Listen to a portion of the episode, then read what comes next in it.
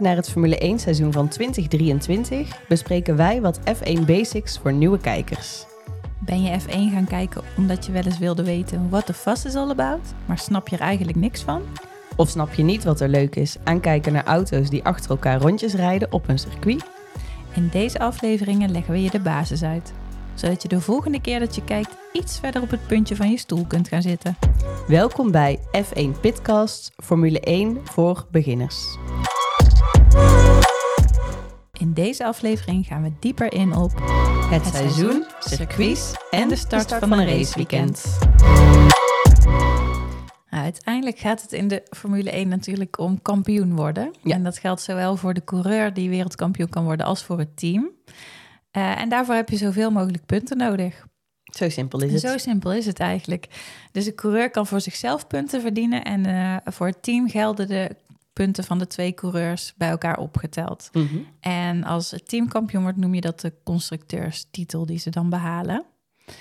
Eh, en het is nogal belangrijk eh, natuurlijk hoe, hoe je eindigt. Niet alleen wie er wel of geen kampioen wordt, maar ook wie de tweede, derde enzovoorts wordt. Mhm. Want zoals we in onze eerste aflevering eh, al uitleggen, er zit echt miljoenen verschil tussen het prijzengeld tussen team 1 en 2. Ja. En dat prijzengeld gaat dus alleen naar de teams, niet naar de coureurs. Ehm, om die punten te behalen moet je in de top 10 eindigen tijdens een race. En als je op 1 eindigt, krijg je 25 punten. En dat gaat zo door tot en met 1 punt voor plaats 10. En als je in die top 10 geëindigd bent en je hebt ook nog eens de allersnelste ronde van de hele race gereden, dan krijg je daar nog een punt extra voor. Ja. Dus dat is nogal lullig als je buiten die top 10 eindigt en je hebt wel die snelste race gereden. Ja, jammer, dat punt gaat dan niet naar jou. En tegenwoordig kan je ook nog de punten verdienen met de sprint race, maar daar komen we later nog eh, op terug. Ehm, ja, je ziet inderdaad hè, van eh, het gaat om die punten behalen. En voor sommige teams is dan één punt behalen eigenlijk al net zo'n overwinning als, eh, als Mercedes of Red Bull bijvoorbeeld de overwinning eh, binnenhalen. Vind ik altijd wel mooi hoe dat dan gevierd wordt. Als bij wijze van Williams zijn eerste punt van het seizoen haalt, dan is dat voor zo'n team net zo'n feestje eigenlijk. Ja. Ja, en er zijn dus ook wel eens teams die helemaal punteloos blijven het hele seizoen lang. Ja, dat is echt sad. Dan, eh, ja, zo'n heel seizoen bestaat eh, dus uit een aantal Grand Prix die eh, verreden worden. Komend seizoen wordt een van de langste seizoenen. Er staan er op dit moment eh 22 op de planning. Dat komt mede, want het waren er eigenlijk 23, eh, doordat de Grand Prix van China geannuleerd is in verband met de COVID-situatie daar. Het is nog even de vraag of die race wel of niet vervangen gaat worden. Dus vooralsnog zijn er 22 in ieder geval bevestigd. En eh, een van de nieuwe circuits die aan de kalender is toegevoegd is Las Vegas. Daar gaan we voor het eerst eh, racen. We starten natuurlijk op eh, 5 maart. Die zondag is de eerste race. En de laatste race zal worden verreden op 18 november. Dus het is ook eh, wat dat betreft een lang seizoen. Van bijna heel het jaar zijn we aan het racen. Ja, en dan in de zomer zit er een stop, geloof ik, van drie weken of zo. Ja, drie, vier weken inderdaad. Dat is een wat langere stop eh, voor de coureurs en voor de teams. Ja, meestal zit er dan één week tussen de races, maar het is ook wel eens de, dat Twee ze weken. achter elkaar doorgaan. eh, ook wel eens dat je gewoon ieder weekend een race Ja. hebt, soms drie weekenden achter elkaar. Dat noem je dan een triple header. Ja, precies. En dat is natuurlijk voor de teams en de coureurs zelf heel zwaar. En ook logistiek eh, kan het een enorme uitdaging voor de teams zijn om op het juiste moment, op het juiste circuit, alle onderdelen die ze nodig hebben te krijgen. En Isel, is er een eh, race waar jij heel erg naar uitkijkt komend seizoen? Nou, ik ben heel blij dat eh, Spa op de kalender Ja. is eh, blijven staan. De race van België eigenlijk, omdat dat echt een heel mooi, spannend circuit is. Vaak regent het er ook wel, geloof ik. Dus dat, dat levert altijd een extra spannende race op. Behalve als het zo hard regent dat, Dat we één rondje rijden. en rijden, wordt geannuleerd. Ja. Ja, dus, dus daar kijk ik eh, zeker wel naar uit. En natuurlijk ook wel naar, naar Zandvoort. Gewoon de race in Nederland. Al eh, zijn we voor de tweede keer uitgeloot. ja, precies. We zijn er weer niet bij. Behalve als iemand luistert en zegt, eh, kan jullie binnenkrijgen? Ja, ik ben zelf altijd heel erg fan van Brazilië. Gewoon de sfeer daar op dat circuit. Ik vind het een mooi circuit. Eh, ja, dat vind ik gewoon ieder jaar smullen. En ook daar is het inderdaad best wel vaak chaos geweest... met toch nog een regenbuitje en dan eh, allerlei uitvallers. Dus het is altijd spannend daar. Nou, zo'n of eh, race rijden op een eh, circuit... Eh, je hebt hem misschien wel eens gezien. Het is een rondje uiteraard. Je komt via de start uiteindelijk ook weer op dezelfde plek bij de finish. Uh, het spannendste in zo'n circuit zijn met name de bochten. Uh, je hebt dan allerlei verschillende type bochten. Um, en nou ja, vaak zeggen ze een beetje dat de oude Europese circuits uh, en ook wel trouwens in Zuid-Amerika, dat zijn echt wel de gave circuits waar nog de, het cool design zeg maar, in zit. En dat vaak de nieuwe banen toch een klein beetje richting de veilige kant zeg maar, zijn. Uh, nou, om een paar voorbeelden te noemen, je hebt uh, de hairpin, een hele langzame bocht waar je bijna zeg maar 180 graden draait. in Monaco heb je daar bijvoorbeeld hele mooie voorbeelden van. De kombocht in Zandvoort is dat er eentje die echt bekend staat. Dat is eigenlijk zo'n uh, snelle bocht, die ook nog eens een beetje een helling heeft, dat de auto eigenlijk als het ware heel erg op het circuit wordt geduwd. Dus dat, ja, ik heb het natuurlijk nog nooit zelf ervaren, maar het schijnt een heel gaaf gevoel te zijn om daar doorheen te gaan. Nou, we hadden het net al heel even een beetje over veiligheid. Uh, de, eigenlijk sommige plekken van de rand van de baan, dat wordt aangegeven door de curbstones, die rood-witte markering die je ziet op het circuit. Uh, en voor de veiligheid zit daarachter meestal of een grindbak. Uh, vaak zijn het tegenwoordig uh, wel gewoon asfaltstroken waar ze zeg maar, zoals ze dat noemen, kunnen uitlopen.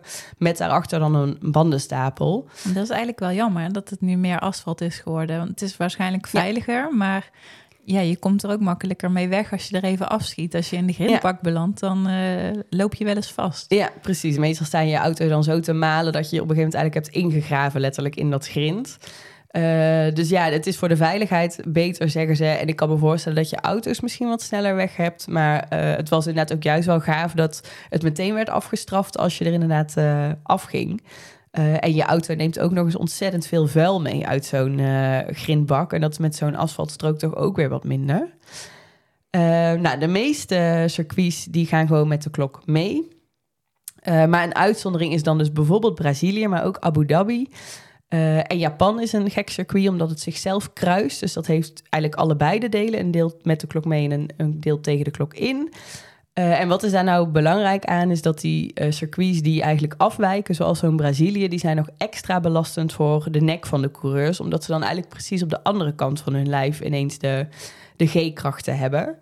Uh, en dit is blijkbaar ook vanuit veiligheid zo geboren, want met de klok mee maak je de meeste bochten rechtsom.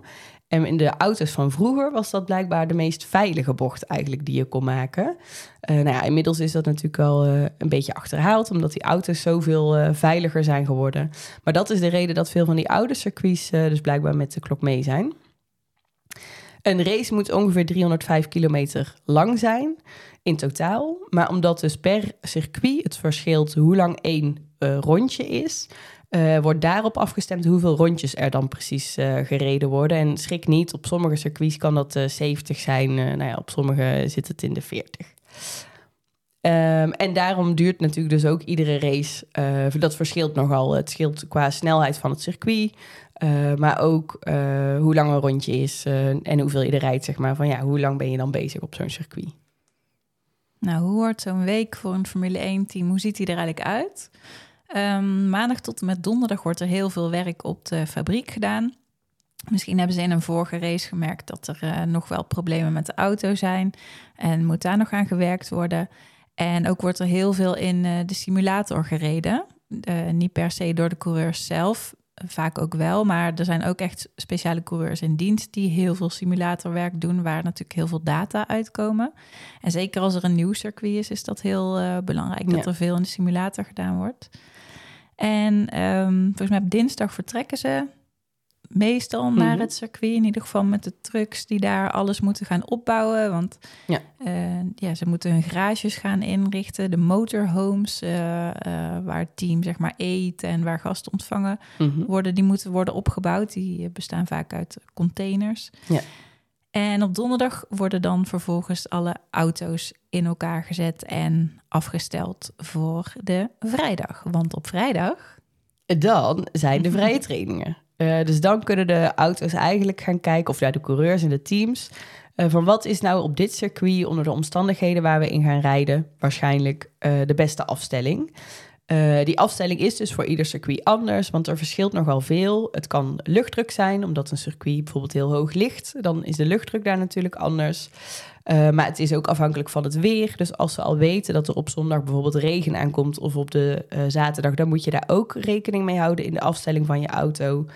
Uh, en het is bijvoorbeeld extra ingewikkeld als het een soort wisselvallig weekend wordt met ook droge delen. Want een, zoals ze dat noemen, regenafstelling van een auto is in droog weer veel langzamer. Dus dan moet je ook echt als team gaan kijken van wat is nou de, de goede afstelling die we gaan hebben.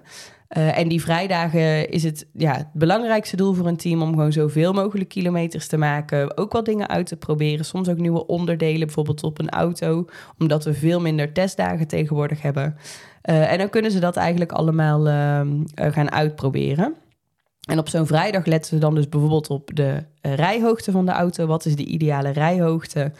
Uh, de vering kunnen ze afstellen, uh, maar ook de hoek waarin de vleugels staan. Dat zijn allemaal elementen waar ze een beetje mee kunnen spelen. Uiteraard binnen de, de regels zoals ze er uh, zijn, de technische reglementen. en tijdens die vrijdagen mogen soms ook de testcoureurs bijvoorbeeld rijden. Dus nou, ik verwacht wel dat we Daniel Ricciardo komend seizoen wel eens op een vrijdag misschien in de auto zullen zien. Ja, die gaat testen bij Red Bull. Inderdaad, ja. En dan gaan we in de volgende aflevering in op de belangrijkste dagen van de week, de zaterdag en de zondag.